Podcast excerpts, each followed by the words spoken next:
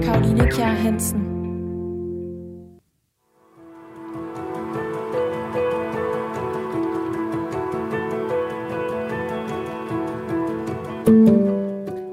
Djævlen ligger i detaljen. Det konstaterer hovedpersonen i bogen, som det i dag skal handle om. Den er skrevet af Danmarks mest læste forfatter, Kirsten Torp. Og Kirsten Torp, hvad betyder det egentlig, at djævlen ligger i detaljen? Det betyder, at når man først man får detaljerne rullet frem, så kan man skabe billeder, og så begynder uhyggen virkelig at brede sig. Bogen den er fuld af uhyggelige og grufulde detaljer, som kun kunne udpensles på grund af det store research-arbejde, som Kirsten Torp har lavet. Det er det arbejde, som vi skal dykke ned i i dag. Fordi du lytter til Mellem Linjerne. Det er programmet, hvor jeg taler med nogle af Danmarks dygtigste forfattere om de forberedelser og de oplevelser, der ligger, før deres bøger kunne skrives. Alt det research-arbejde, som de har været ude i, og som ligger mellem linjerne i deres bøger. I dag er det helt specifikt arbejdet, som ligger mellem linjerne i romanen Ind til vanvid, ind til døden, som indbefattede ikke bare én, men hele to rejser til München. Læsninger af så mange bøger, at de står listet i en litteraturliste bagerst i bogen, og krydsforhør hos flere historikere. Det hele skulle gøre Kirsten Thorpe klogere på Tyskland i år 1942, hvor nazismen i landet var på sit højeste. Fordi hovedpersonen i romanen, hun beslutter sig for at rejse dertil. Kirsten Thorpe, hun har skrevet i mere end 50 år, men hun har aldrig skrevet en bog uden at researche. Hun insisterer på at være grundig hver eneste gang. Og derfor så ansatte hun også første gang nu her i arbejdet med sin seneste roman en researcher til at hjælpe sig med det. Kirsten Torp, ordentlig velkommen til programmet. Tak. Og øh, tillykke med Ind til vanvid, ind til døden, som udkom lige efter Danmark var blevet nedlukket, og som du derfor først kan være ude og tale om nu her. Nazi-Tyskland. Hvordan fik du ideen til at dykke ned i det? Bogen startede for mig ikke med nazismen eller Tyskland under 2. verdenskrig. Det startede med min hovedperson, som Øh, jeg kendte hendes forhistorie, før hun rejste til München, og øh, jeg ville gerne følge med hende derned. Det var sådan set mit udgangspunkt. Hun var gift med en dansk flyveofficer, som øh, havde været i Finland og, og kæmpet på Finns side i den nordiske brigade mod Sovjetunionen. Og han kom hjem som en helt. Øh, men næste gang, hvor der, hvor der, der var krig, fortsættelseskrigen i Finland, så, så var det øh, Nazi-Tyskland, der hed overkommandoen, og hvis han ville fortsætte med at kæmpe for findernes frihed, så måtte han indrullere sig i det tyske luftwaffe. Og så blev han så øh, ret hurtigt efter han var indtrådt, altså i sommeren 42, blev han skudt ned over Sovjetunionen øh, af russisk antiluftskyt. Og det vil sige, at hun i en ung alder, hun er 33 i bogen, der bliver hun enke. Og øh, det er egentlig hele den tilstand, som jeg vil beskrive, og det, at hun i desperation øh, øh, i sin sorg, så bestemmer sig til at rejse ned til Tyskland. Hvad, er det kærlighed til manden, der får hende til det? Altså, hvis man betragter hendes rejse som øh, en del af hendes kærlighedshistorie, fordi den mand øh, var hendes store kærlighed. Det var det, som jeg gerne ville prøve at fortolke, og så vil jeg gerne fortolke hendes øh, reaktioner og hendes møde med det nazistiske regime, altså netop på hjemmefronten, altså hvor de fleste mænd var øh, ved fronten og kæmpede alle mulige steder i verden, og hvor, hvor kvinder og børn så måtte klare sig. Lad os lige prøve at dvæle lidt ved øh, hovedpersonen her, fordi som med alle dine andre bøger, så fik du ideen til hende ud fra en person, som du har kendt rigtigt. Ja. Hovedpersonen, hun er, øh, er en dansk kvinde, hun er 33 år og hedder Harriet, og fortællingen er inspireret af den her kvinde, som du selv mødte for mange år siden, da du var i begyndelsen af 20'erne, og du kendte hende faktisk frem til, øh, at hun døde for 25 år siden. Ja. Og som læser, så møder vi Harriet første gang øh, i toget på vej til München, hvor hun tager ned. Det er hende, der driver dig til Nazi-Tyskland, fordi at hun skal på sådan en form for øh, rekreation, ja, kan man kalde det. Rekreation og sovrejse, ja, kan man lige sige. præcis, ikke? fordi at hendes mand øhm, er død i krigen. Vil du ikke lige prøve at læse en lille passage højt øh, fra det, det møde, vi, vi som læsere har med Harriet øh, i begyndelsen? Jo, det kommer her. Jeg sætter pris på at være passende klædt.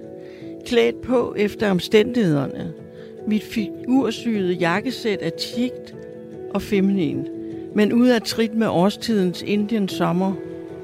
Sættet kunne ikke være i kufferten, der er proppet med til bristepunktet med efterårs- og vintertøj. Jeg rejser på et seks måneders besøgsvisum. Det var besværligt og langsomligt procedure at få udrejsevisum på Rigspolitiets visumkontor. At få den udrejsetilladelse, som de tyske myndigheder kræver. Jeg følte mig ikke velkommen. Det gik meget nemmere med indrejsevisum til Tyskland.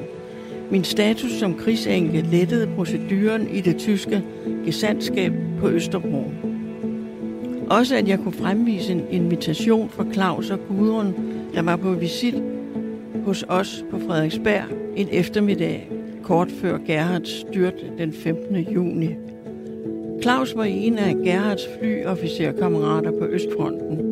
Gudrun er dansk. Uddannet sygeplejerske, hjemmegående med to børn, forstod jeg. Jeg fik kun et flygtigt indtryk af dem på den korte eftermiddagsvisit. Men det var betænksom af dem at invitere mig på en rekreation hos dem i München straks efter ulykken, som jeg kalder nedskydningen af Gerhards fly over sovjetisk territorium. Krigen og moden har forvandlet mig til en buksepige. Under normale omstændigheder foretrækker jeg tætsiddende kjoler, velour, fed silke og chantum, der fremhæver min slanke figur. Men man må følge med tiden og moden. Moden er et af dødens mange ansigter, som man siger. Modesæsonen er kort. Intet er så passé og dødfødt som sidste års mode med forkerte kjolelængder og taljesnit. Forældede farver og mønstre. Hurtig udskiftning skaber formuer. Tak skal du have, Kirsten Torp. Kvinden, som du kendte og som inspirerede dig til karakteren Harriet, har du kendt i mange år, men det er først for 10 års tid siden, har du fortalt mig, at du besluttede dig for at skrive øh, en historie med afsæt i hendes fortælling. Hvorfor gik der så lang tid? Jo, men jeg tænker aldrig, når jeg, når jeg møder nogle mennesker, eller nogle mennesker, jeg kender, jeg tænker aldrig, at jeg skal skrive om dem. Det er noget, der kommer mange år senere, og det er det faktisk oplevet med mange af mine romaner. Altså, de dukker pludselig op øh, efter mange år, og nu er det en kvinde, jeg har kendt øh, godt, men også kvinder eller personer, som jeg har kendt flygtigt.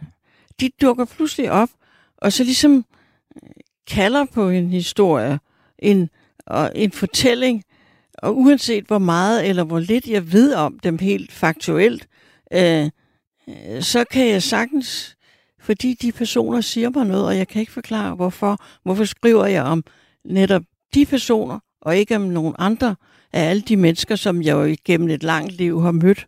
Det kan jeg faktisk ikke forklare, fordi jeg tænker, jeg, hvorfor har jeg ikke skrevet om nogle andre, som jeg måske ved mere om, eller som jeg har kendt bedre, men, men altså, det er nogle ganske bestemte personer, øh, som på en eller anden måde siger mig noget, og som ligesom øh, bliver ved med at vokse i mig og udfolde sig.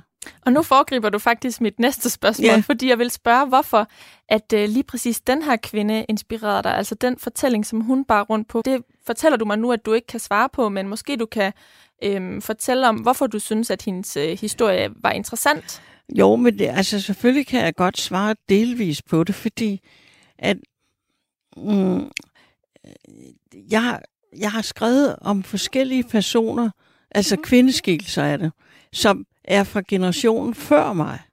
Fordi jeg synes, det er interessant at skildre øh, den forrige generation, som jo netop havde altså også havde en frigørelseskamp, ligesom min generation havde der i 68 og med rødstrømperne i 70, så, så var der også forskellige grader af frihed og, og, og kvinder, som var mere frigjorte og frie, fordi de tog ligesom nogle chancer, eller, eller de øh, havde svært ved at lade sig øh, undertrykke. Altså, og derfor synes jeg, det har været interessant ligesom at, at skrive om generation før mig. Det har jeg gjort nogle gange. Altså, jeg, jeg var interesseret i hende, dels øh, på det tidspunkt i historien. Det er en ting, fordi der er jo så mange dramatiske skæbner, altså når der er krig, og så mange forskellige øh, grupperinger og, og, og, og magtkampe. Og jeg vil, det vil jeg gerne beskrive, men så vil jeg også gerne beskrive hendes karakter, fordi jeg, jeg synes, hun er en interessant personlighed. Hun er, hun er en moderne kvinde for sin tid, og hun er en meget selvstændig tænkende kvinde for sin tid. Og det harmonerer ikke med det, med det nazistiske kvindesyn. Og jeg, jeg kan også godt sige, at den måde, jeg fortolker hende og, og, og i bogen i forhold til handlingen, altså hun er jo ikke nazist, men hun er kommet på den side. Uh, dels fordi hendes mand så gik i tysk tjeneste, så, og hun ligesom, hvad skal man sige, fulgte ham. Uh, og at i 30'erne, der var, der var hun ligesom revet med sammen med ham, uh, at den Øh, tidsånd, der var, som jo var meget præget af nazismen i alle lande. Og så havde de mødt hinanden på Aalborg Gymnastikhøjskole, hvor forstanderen Niels Buch jo var nazist. Så jeg fortolker egentlig, at deres indgang til den side af, af tiden i 30'erne, hvor Tyskland jo var en succeshistorie og, og økonomisk fremgang, og der var orden i sagerne dernede, hvor der havde været kaos før. Øh, det er meget inspireret af dem fra Ollerup. Og de var jo meget unge, da de mødte hinanden. Han var 18, og hun var 22. Så det er jo unge mennesker, der bliver revet med af sin tid. Og så kom jeg lidt frem til, at, at der var en historie der omkring hende, som jeg tænkte, det var interessant, fordi det, der jo er en forfatters opgave, det er jo at gå bag om folks handlinger og deres udsagn, hvad de siger, og ligesom prøve at finde, hvad er motivet til det? Hvorfor gør, hvorfor handler og, og siger folk, øh, som de gør? Altså, det synes jeg er interessant, fordi det er jo ikke altid, at man selv ved, hvad man siger, eller hvorfor man gør forskellige ting. Det kan man jo også i sit eget liv se tilbage. Hvorfor gjorde jeg egentlig det? Hvorfor blev jeg egentlig gift med ham og ikke med en anden? Altså sådan nogle ting. Alle de psykologiske bevæggrunde. Ja, altså, øh, ja, eller dybere endnu, synes jeg, fordi øh, man er jo ikke ligesom herre over sin skæbne. Det er jo også meget, der er tilfældighedernes spil. Ikke? Hver gang man møder et nyt menneske, og det kan jo så være et menneske, som ja, man så skal leve resten af sit liv med, det er jo et tilfældigt møde. Altså, der er jo ikke møder, der ikke er tilfældige. At du til et selskab, eller på en bar, eller, eller i en øh, bus, eller hvor, møder et menneske, som kommer til at betyde noget for dig. Og det, det er sådan nogle øh, øh, sammentræf og tilfældigheder. Nu er det her, at de to unge mennesker møder hinanden på Aalrup Gymnastikskolen. Det er det, som, som jeg gerne vil dykke ned i, og det gælder alle romanerne, men selvfølgelig også den her, som vi snakker om. Men når man skriver om en tid, som har fundet sted, hvor man ikke selv har været en del af den, så kræver det jo også en masse research, og ja. det er det, vi skal tale om nu. Du lytter til Mellem Linjerne. Jeg hedder Karoline Kjær Hansen. Og i dag taler jeg med forfatter Kirsten Torp, som har skrevet romanen Ind til vanvid, ind til døden, som der blev sået et frø til for mange år siden. Faktisk næsten 60 år siden, da du mødte en kvinde med en historie, som inspirerede dig til at researche i Nazi-Tyskland. Og øhm, det har du gjort ved at læse en masse bøger, besøge München to gange og tale med nogle forskellige eksperter. Hvad var egentlig din forudsætning for at researche i det her felt? Fordi du har jo researchet til alle dine 12 bøger, og du har tidligere skrevet om årene op til 2. verdenskrig i den bog, der hedder Før krigstid, som udkom i øh, 2006, men den her bog, den udspiller sig øh, under 2. verdenskrig, og det er faktisk det år, som du selv er, er født i, men du har jo ingen minder at trække på.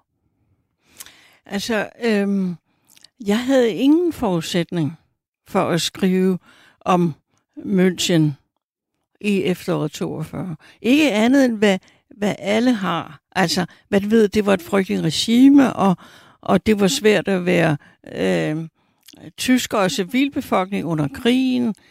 Men hvordan ser det ud? Og der kommer detaljerne jo ind igen. Jeg havde faktisk ikke nogen speciel forudsætning, andet end almen viden. Øhm, og det var derfor, at, at det har jeg nemlig ikke prøvet før, at, at selve det at skrive den her bog, det var faktisk også en, en uh, erkendelsesproces for mig. Jeg fik en indsigt, som jeg ikke havde haft før. Ja, og det vil jeg rigtig gerne høre lidt mere om nu, fordi du, du begynder at researche, og så finder du ud af noget om Nazi-Tyskland og øh, den sådan finere kultur i Tyskland, som forbavser dig ret meget, som også er en stor del øh, af bogen, og som på mange måder også danner en rød tråd med den her bog til de andre bøger, du har skrevet, hvor du også prøver at sætte lidt fokus på dem, der står uden for samfundet, eller de er lidt marginaliserede. Vil du ikke prøve at fortælle lidt mere om, hvad du egentlig finder ud af i din research, som yeah. forbløffer dig ret meget? Det, ja, det var forskellige ting. Men, men det første, som jo som emne øhm, og tema spiller en stor rolle i bogen, det var, at, at jeg fandt ud af noget, som jeg ikke vidste før, at der var øh, civile tvangsarbejdere i det nazistiske regime fra 39 til 45. Der var 8 millioner, og de var kidnappet øh, fra øh, Sovjetunionen og Polen, og så var der nogle få fra Frankrig og Holland også, som jo havde en meget hård besættelse i modsætning til Danmark.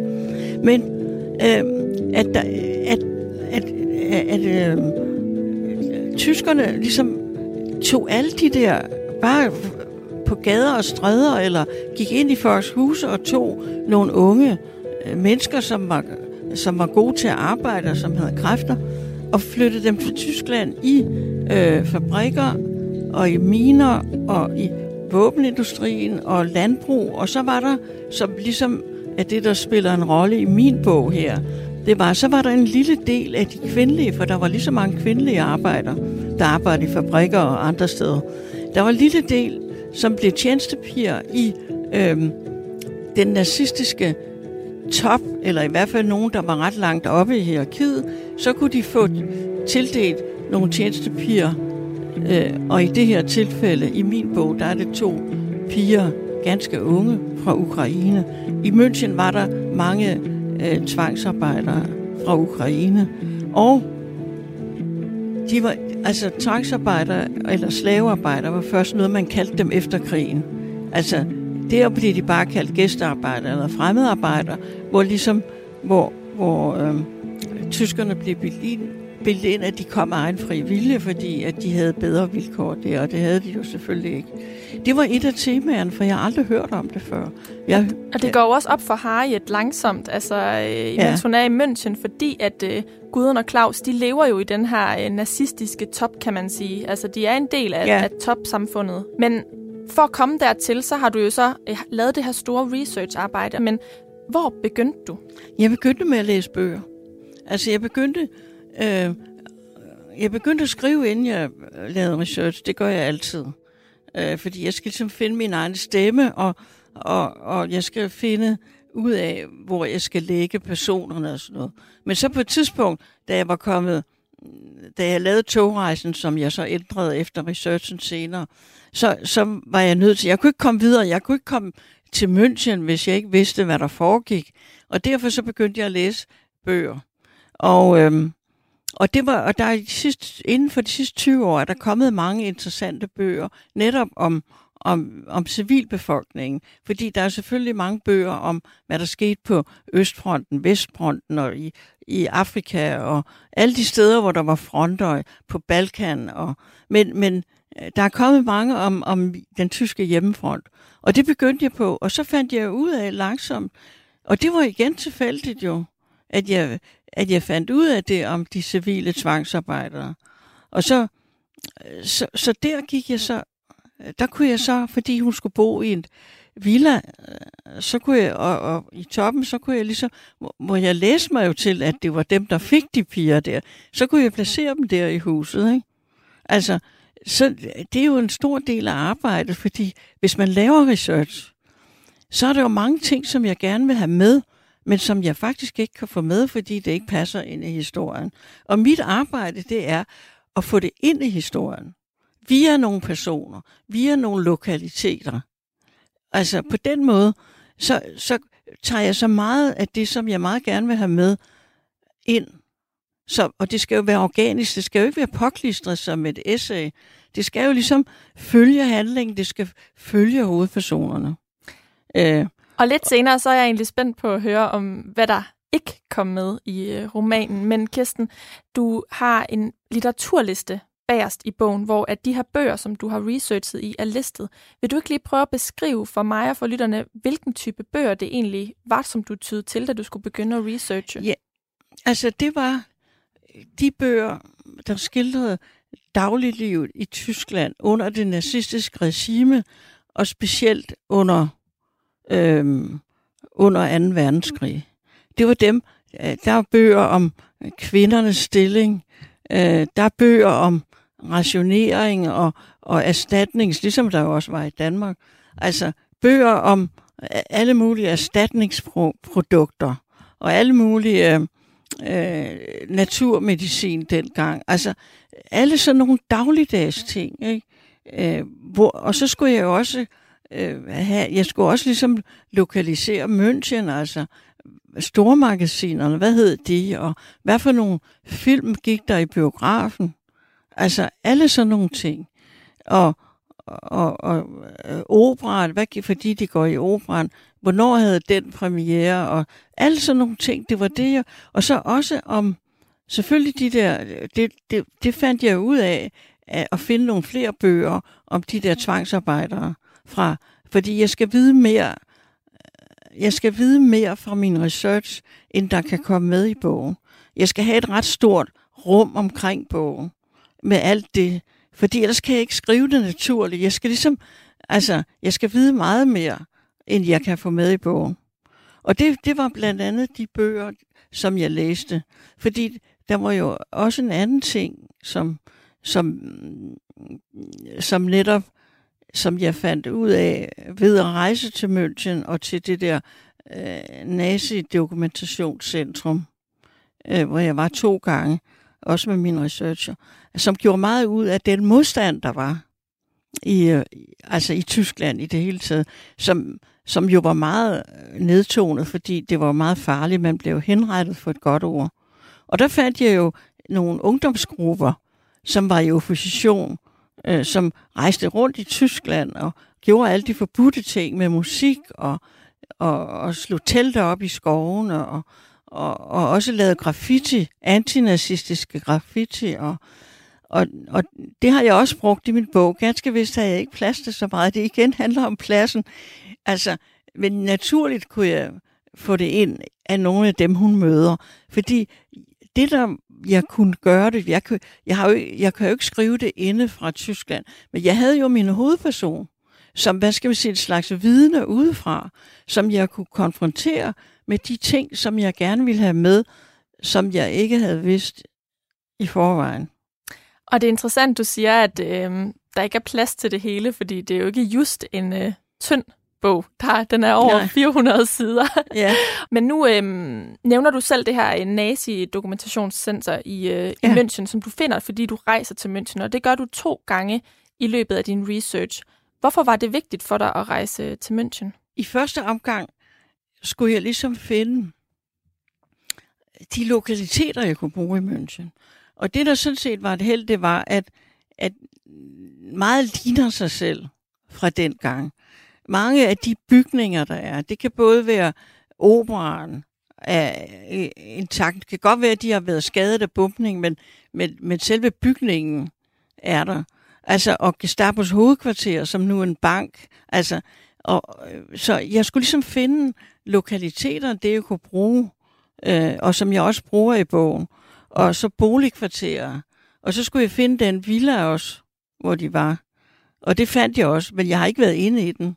Altså, så jeg, jeg skulle ligesom finde, fordi det, er jo- jeg, jeg skal ligesom sætte en, en, øh, en lokalitet, hvor personerne kan bevæge sig rundt i.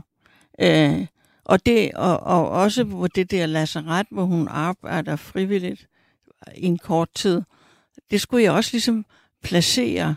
Altså alle de ting, så det, det var meget høj grad, altså næste, netop i første omgang, var det øh, geografien i bogen. Øh, sådan så jeg kunne flytte rundt med, med personerne. Øh, og det, og også for eksempel værtshuse og, og hvad var det, Hitlers yndlingsværtshus og forskellige steder og, og de store pladser, hvor de store nazistiske optog var. Øh, og det er jo den samme plads, som der var dengang, så er det bare bumpet en masse af bygninger, der var rundt omkring. Men, men det er den samme plads. Og, og det, var, det var sådan nogle ting, jeg skulle se for mig, for, for ellers så kan det ikke blive autentisk. Jeg skal ligesom have selve øh, kortet over München, og, som, som jeg har præsent. Og så kunne man jo også, for det første kan man få et kort, hvor der øh, gadenavnene var næsten de samme som dengang. Og så, så kan man få et kort, hvor der står, hvad hed de dengang, hvis de ikke hedder det samme. Altså sådan nogle ting. Og så kunne man også komme på en guided tur, øh, München under nazismen, hvor man fik udpeget alle de steder, hvor der var alle de der øh, nazistiske mindesmærker og optog og, og, og de forskellige også regerings... Altså nu var regeringen selvfølgelig i Berlin, men det, øh, øh, München var jo en vigtig by, fordi det var, det var Hitlers by. Det var der, det hele startede. Og derfor hedder den jo også stadigvæk Hauptstadt der Bevægung, altså den nazistiske bevægelses hovedstad. Så den havde jo en vigtig rolle, som jo også fremgår af det der dokumentationscenter.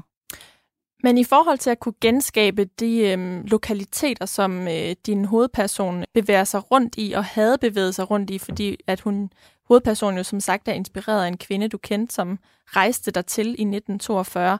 Tænkte du så ikke på noget tidspunkt, at det kunne være, at der havde set helt anderledes ud, øh, når det alligevel er så mange år siden? Det, tæ- altså, det tænker jeg ikke på på forhånd. Øhm. Men jeg fandt jo ud af dernede, at det så ikke særlig andet. Det er der andre byer, Frankfurt for eksempel, som blev meget, meget bumpet. Som, altså, men München ser ikke særlig... Det, det er nogenlunde det samme. Altså i hvert fald i centrum.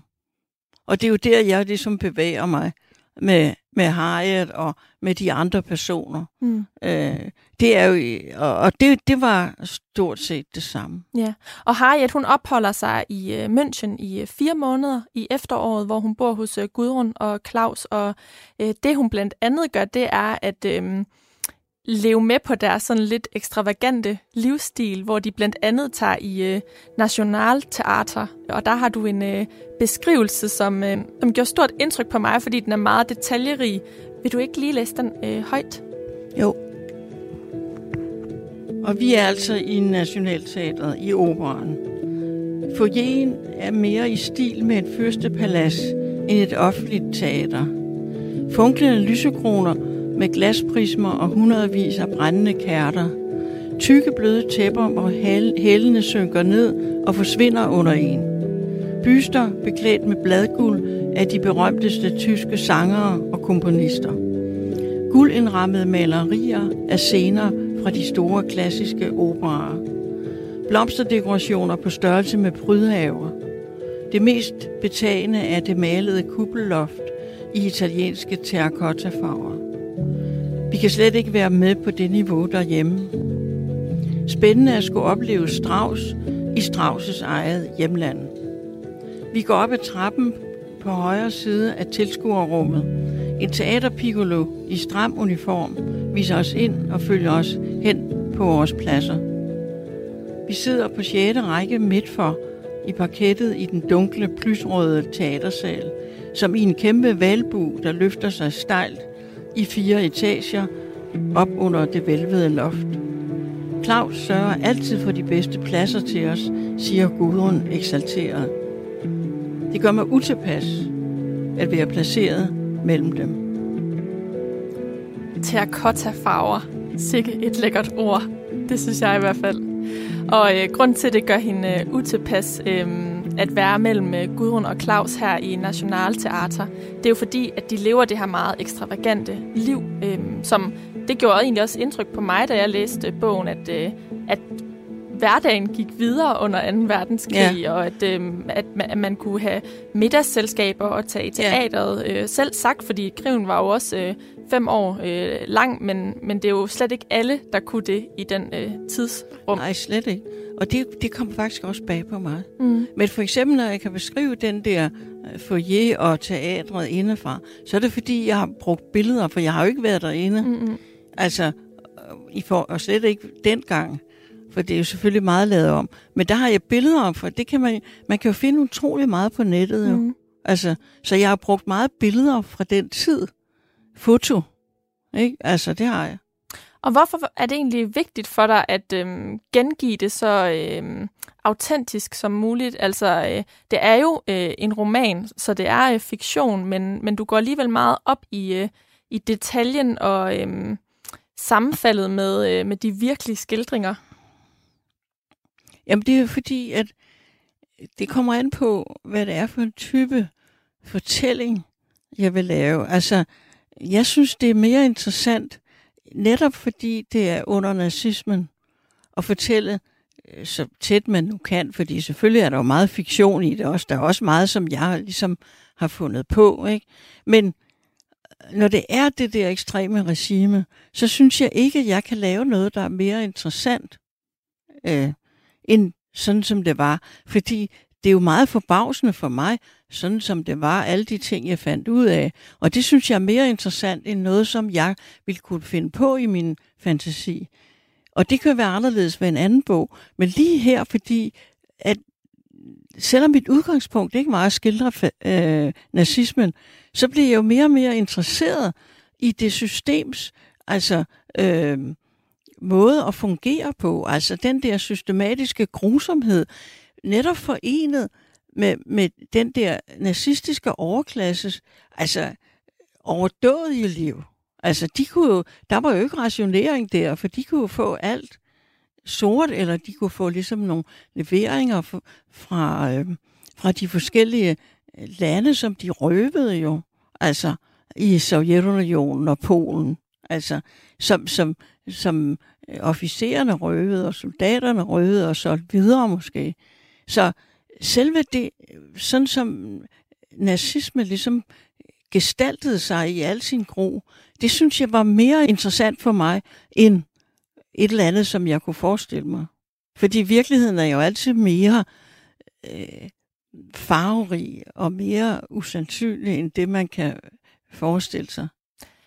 Men man kunne også blive meget frastødt. Hvorfor blev du som forfatter draget til stoffet og ikke frastødt af det? Jamen, jeg blev ikke draget af det, fordi jeg synes, jeg, jeg blev faktisk hele vejen igennem meget chokeret over, altså, hvor, altså den systematiske terror, som de ligesom udøvede. Selvfølgelig i koncentrationslejrene, men også over for den tyske befolkning. Altså den systematik, grusomhed. Nej, jeg blev ikke draget af det. Øh, men men øh, jeg vil gerne skildre det. Altså for ligesom at vise, hvis man ligesom øh, overtager noget af den ideologi, altså med, at der er nogle mennesker, der er mere værd end andre. Der er nogle menneskeliv, som ingenting betyder, og derfor kan man bare udrydde dem. Øh, altså, hele det der hierarki, at, at man ikke betragter mennesker, uanset hvor de kommer fra, som ligeværdige. Altså den, og det var jo sat i system i det nazistiske regime, og det vil jeg gerne fortælle. Øh, Øh, så, øh, så jeg var ikke draget af det. Altså, øh, men mine chok kommer jo, når jeg læser om det. Altså, og netop alle de der ting, som jeg ikke kendte til. Så jeg har ligesom fået mit chok, inden jeg begynder at skrive. Det, ellers kan jeg ikke skrive det. Jeg kan ikke skrive på, hvor er det her forfærdeligt. Så kan jeg ikke øh, så blander jeg noget ind, som ikke hører hjemme. Altså, altså min egen øh, indstilling. Det skal fremgå af teksten, fordi selvfølgelig er forfatterens indstilling jo altid med, fordi det, det, det ligger jo i hele øh, opbygningen og i hele, hvad man vælger at tage med, og hvad man ikke vælger at tage med. Der allerede der er forfatteren jo til stede. Men, men jeg, jeg, kunne godt, jeg kunne ikke skrive det, hvis jeg, hvis jeg ikke havde fået det chok inden. Og du kunne heller ikke skrive det, hvis du ikke tog til München hele to gange. Hvorfor var det vigtigt for dig at øh, ikke bare tage dig ned én gang, men at tage afsted igen? Jo, men fordi første gang, der er så mange indtryk, som kan være svære at, og, øh, at sortere i. Det er først efter, jeg har været dernede, så kan jeg finde ud af, hvad var det, jeg ikke fik med hjem, som jeg faktisk har brug for i min fortælling. Og det kan jo komme, jeg tror det var med i hvert fald et års mellemrum, eller halvandet, jeg var dernede. Fordi så kan jeg, først når jeg begynder at skrive, så ved jeg jo, hvad jeg, hvad jeg skal bruge, og hvad jeg mangler. Så det kunne jeg, så kunne jeg, have, kunne jeg have en liste jo, når jeg skrev, og så kunne jeg se, det der skal jeg vide noget mere om, det der skal jeg undersøge. Og det var jo meget med, med øhm, det der med, med modstanden, den der trods alt var også passiv modstand. Altså, så kunne jeg ligesom grave ned i det på det der dokumentationscenter. Så, så, så jeg, jeg ville ikke kunne gøre det mindre end to gange.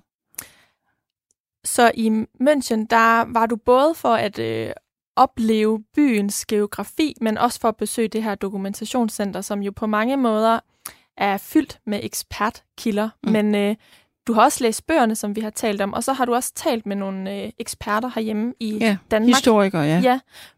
Hvorfor var det egentlig nødvendigt, når du nu har læst så meget selv? Jo, men det, altså, øhm, jo, det er nødvendigt, fordi jeg skulle have, Øh, som jeg også havde, øh, jeg skulle have en historiker til at læse manuskriptet, inden jeg afleverede det. Altså, fordi fejl, der næsten altid er, når det er noget, der er så specifikt, som München under 2. verdenskrig. Og netop fordi, at der var jo alle de der mærkedage, som nazisterne havde, med de store optog med, med partimedlemmer, ikke på tusindvis af mennesker, og, og hvor lå det? Hvor, hvor foregik det? Og, og det er klart, en historiker, en dansk, der er ekspert i det der, kender jo alle de der detaljer. Og jeg, og jeg havde faktisk også glæde af det, fordi jeg havde jo lavet nogle ting, som ikke helt stemte overens med virkeligheden. Og det var jeg jo lykkelig for at blive rettet i. Altså, helt bestemt. Så på den måde var det nødvendigt at snakke med nogle danske historikere, som kunne, netop kunne læse manuskriptet. Hvad var egentlig det sværeste i hele din øh, research-proces? Jamen, jeg ved ikke, altså, det så, altså hvis du tænker på, øh, hvad, hvad der var, øh, gjorde indtryk, altså som noget, jeg synes var meget grusomt, så var det faktisk, at der var en anstalt i München, som man kan læse om på nettet. Der behøver man ikke at være ekspert, fordi du kan bare slå det op på nettet, så står der en masse ting. Altså en, en anstalt, hvor, hvor der blev, hvor, hvor øh, psykisk og fysisk handicappede blev aflivet, og også børn, som var født med nogle medfødte genetiske fejl, eller havde epilepsi, eller, på, eller var måske øh, mentalt retarderet.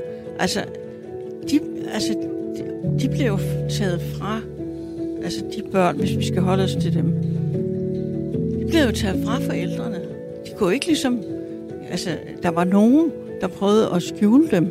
Altså, ikke bare i min historie, men også generelt, for det har jeg set på tyske tv-serier, prøvede at skjule dem. Og, og så blev de så alligevel fundet, og de hentede børn til de der hjem, hvor de faktisk blev aflevet. Øh, det var næsten det værste. Altså på en meget grusom måde, og det kan man også læse på nettet, hvis man slår op på den der anstalt, at de blev faktisk sultet til døde, børnene. Så det gjorde mest indtryk på dig, fordi at det var det mest grusomme, du kom i nærheden af? Ja, men det hele var grusomt. Det er svært at græde grusomhed, fordi det synes jeg faktisk ikke, man kan. Men det var ligesom, der var noget med det der, når det er små børn på fire år. Altså, altså det gør jo indtryk. Øh, og det gør det andet også. Så det er ikke fordi, jeg synes, hvad er mest grusomt, men, men det var ligesom, ja, det, det, det synes jeg var svært. Mm. Altså, og det har jeg jo også ligesom, så kan jeg jo bestemme, hvordan skal jeg skildre det, ikke? Altså, og, og der gjorde jeg det så på en måde, som jeg selv kunne holde ud. Nu har du et par gange nævnt, øh, at desværre det er også, at det hele ikke kan komme med. At det er at beslutte, hvad der skal med, og hvorfor det skal med. Hvad var det, der ikke kom med i romanen? Altså, der var i hvert fald en temmelig stor ting, som jeg startede med at lave meget research på. Og det var, at jeg ville have en, altså, jeg ville have en dansk Tysklandsarbejder med.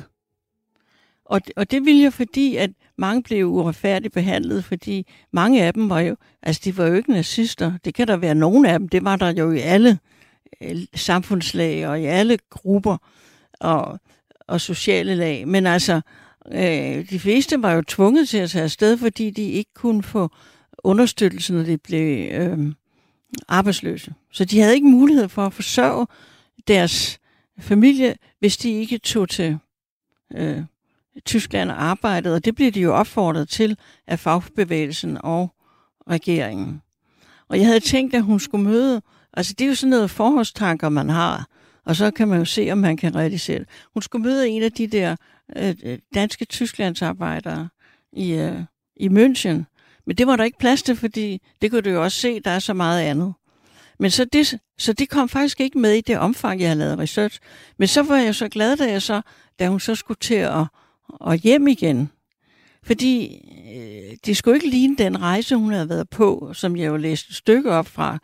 Det skulle, være en, det skulle ligesom være en anden. Ellers blev det bare en gentagelse. Og så var det, jeg, jeg pludselig fik det indfald. Jamen, hun kan jo møde en i toget, som skal hjem til sin familie til jul. Og, og det er sådan et eksempel. Nu var det et eksempel, hvor jeg sådan ligesom godt kunne få den person ind, som jeg synes altså var vigtig at få med i en dansk sammenhæng. Og hvordan, de, hvordan vilkårene var for de danske Tysklandsarbejdere under nazismen. Og det var noget, som du øh, fandt ud af i øh, selve skriveprocessen, og den vil jeg gerne tale mere om nu. Du lytter til Mellem Linjerne. Jeg hedder Karoline Kjær Hansen. Forfatter Kirsten Torp.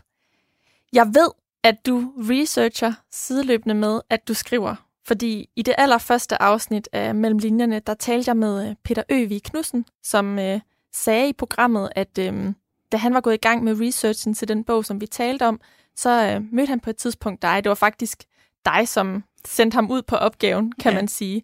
Og øh, på et tidspunkt, så i research-processen, så mødes I, og du spørger ham, øh, hvor langt er du kommet? Og øh, så siger han, jamen jeg skal jo lige research færdig. Og så siger du, kan du så komme i gang? Man bliver aldrig færdig med at researche. Så jeg ved, at der er overlap mellem de to faser, øh, når du arbejder. Men vil du ikke lige prøve at fortælle lidt om, hvordan du egentlig jonglerer mellem research og skrivning? Altså, det gør jeg egentlig meget per intuition. Fordi som jeg sagde før, så, så starter jeg altid med at skrive så langt som jeg kan, og det er som, altså i sådan en bog som den her, det er jo ikke ret langt, jeg kan komme uden research. Øhm, Hvor mange sider taler vi egentlig om? Ja, vi taler om 30-50 sider. Okay. Det er også en stak. Ja, altså det er omkring, ikke? Og så skal jeg så gå tilbage og ændre i forhold til at lave research på det. Men Øh, så laver jeg research, og så når jeg ligesom får nok af research, uanset om jeg er færdig med det, altså man kan aldrig øh, lave research nok eller udtømmende. Og der er det jo, at dækningen kommer ind. Fordi det kan jo ikke lade sig gøre. Altså, det er klart, det er noget andet. Det er noget andet, når det er en fagbog. Så, så har du jo et meget mere fast tømret øh, øh, projekt. Men altså, når det er fiktion, fordi man kan jo bare blive ved. Altså, der er jo ikke grænser for... Øh, og derfor så begynder jeg at skrive, når jeg ligesom synes, at nu er det alt for meget research for mig. Og så, så skriveprocessen sorterer jo øh, altså, i research. Den lægger sig jo ligesom ind. Hov, så har jeg jo ligesom researchen i erindringen. Og så kan jeg ligesom sige, hov, der var jo det der. Og det kan jeg så få ind nu, fordi nu er hun derhenne, og der sker det og det, og nu kommer der nogle øh, øh bombe, altså bombeangreb i München.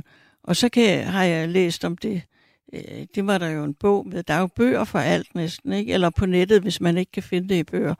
Så kan jeg ligesom trække det ind, og så kan jeg jo altid ændre det, når jeg så tjekker, er det nu rigtigt, sådan som jeg husker det, eller var det noget lidt andet, eller var det en anden dato, eller var det et andet sted i byen for eksempel. Og det er der, jeg bruger min researcher, fordi hun laver arkiv. Og så kan jeg spørge hende, øh, det der øh, dengang for nogle år siden, hvordan var det egentlig med det? Så kan hun slå det op på sin computer og sige, hvad vi nu havde snakket om, eller hvad, hvad, hvad vi nu har undersøgt. Altså det er på den måde, jeg gør. Og så når jeg ligesom, og så fortsætter jeg. Og det er egentlig på den der vekselvirkning mellem at lave research, så er der noget, som jeg skal læse. Som vi siger, jeg kan ikke komme videre, jeg kan ikke bare skrive løs. Og det er på den måde, det er ligesom flettet ind i hinanden, skriveprocessen og researchen. Lad os lige prøve at dvæle lidt ved din researcher her, fordi det er første gang, du har ansat en researcher til at hjælpe dig med øh, arbejdet.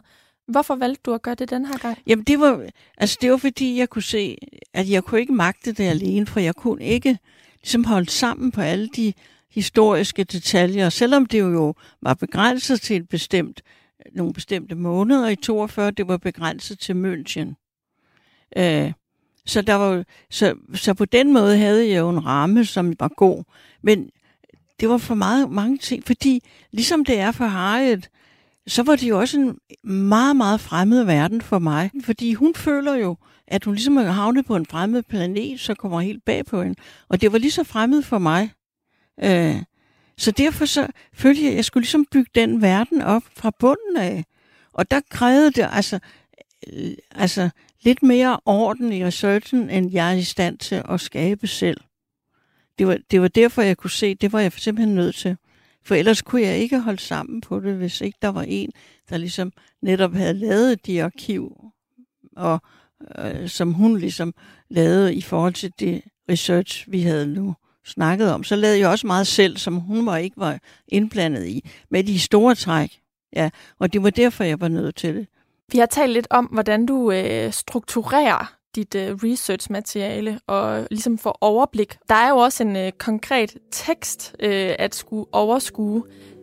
Vil du ikke lige prøve at beskrive formen på den her roman? Hvordan teksten den egentlig øh, har udartet sig?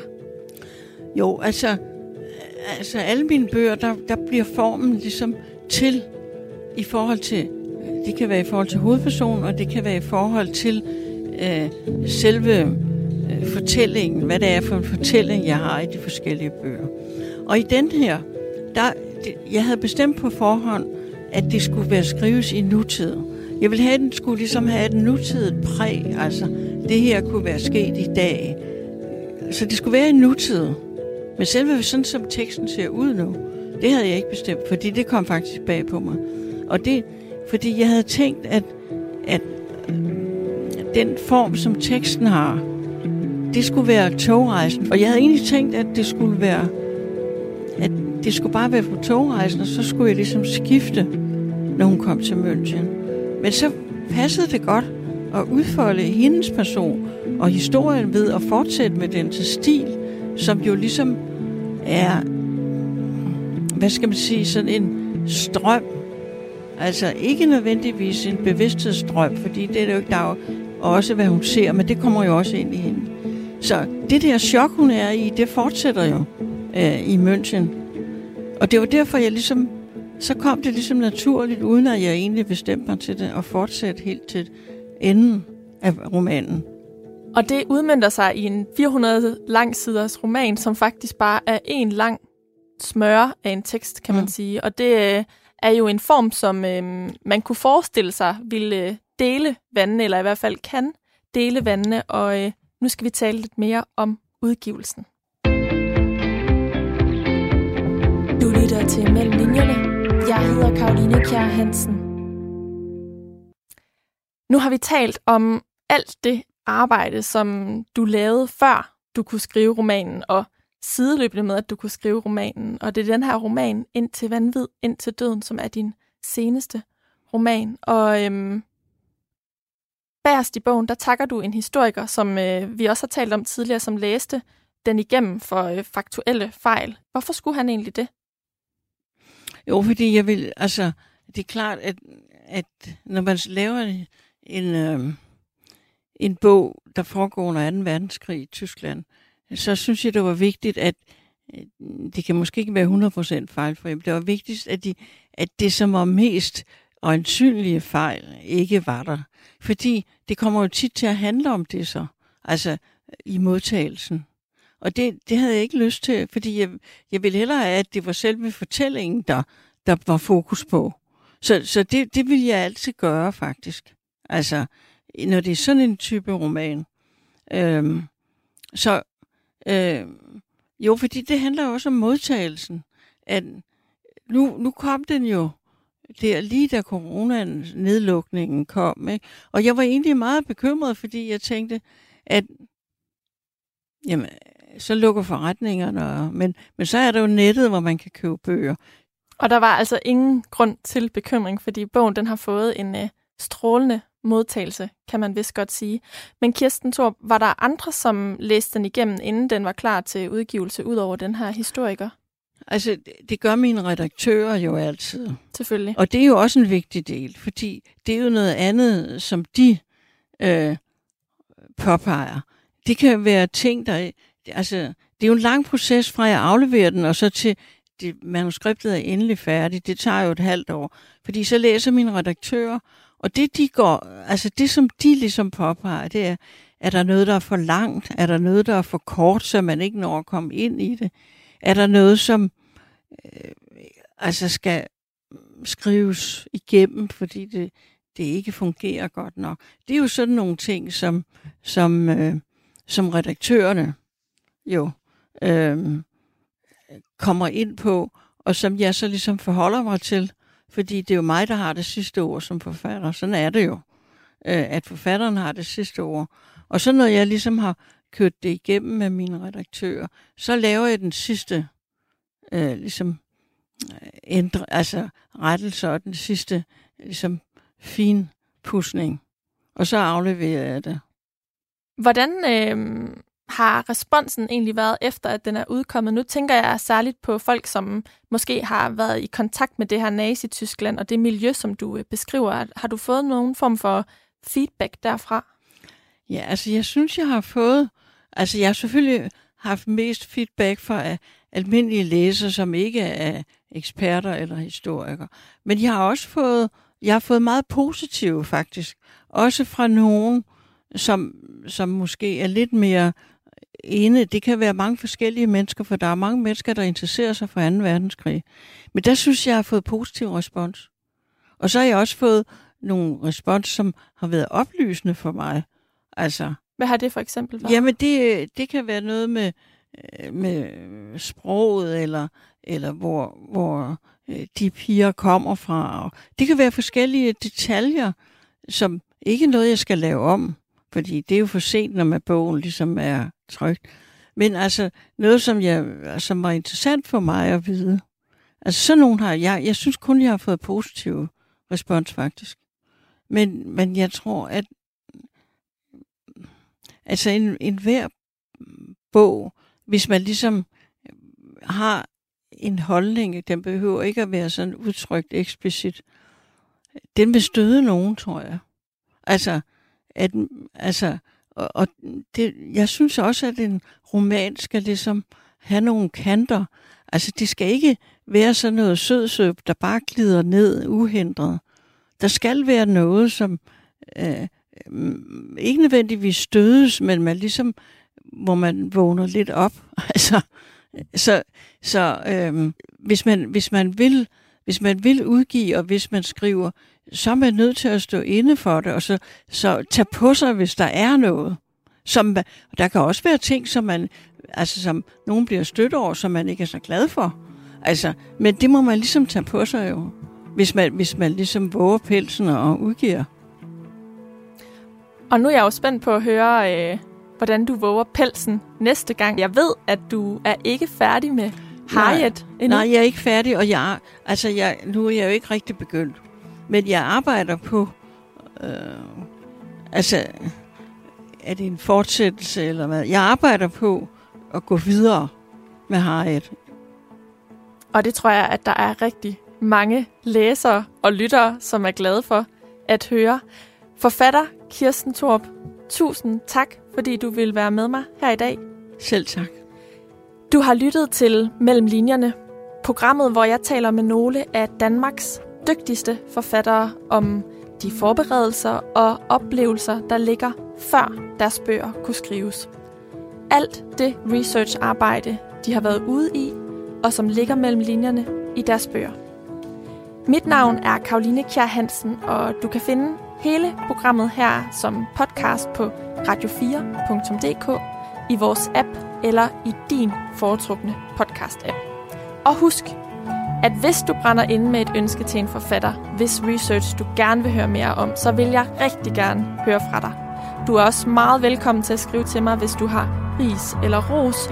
Mailen er mellem linjerne snablag radio4.dk og linjerne er med et j.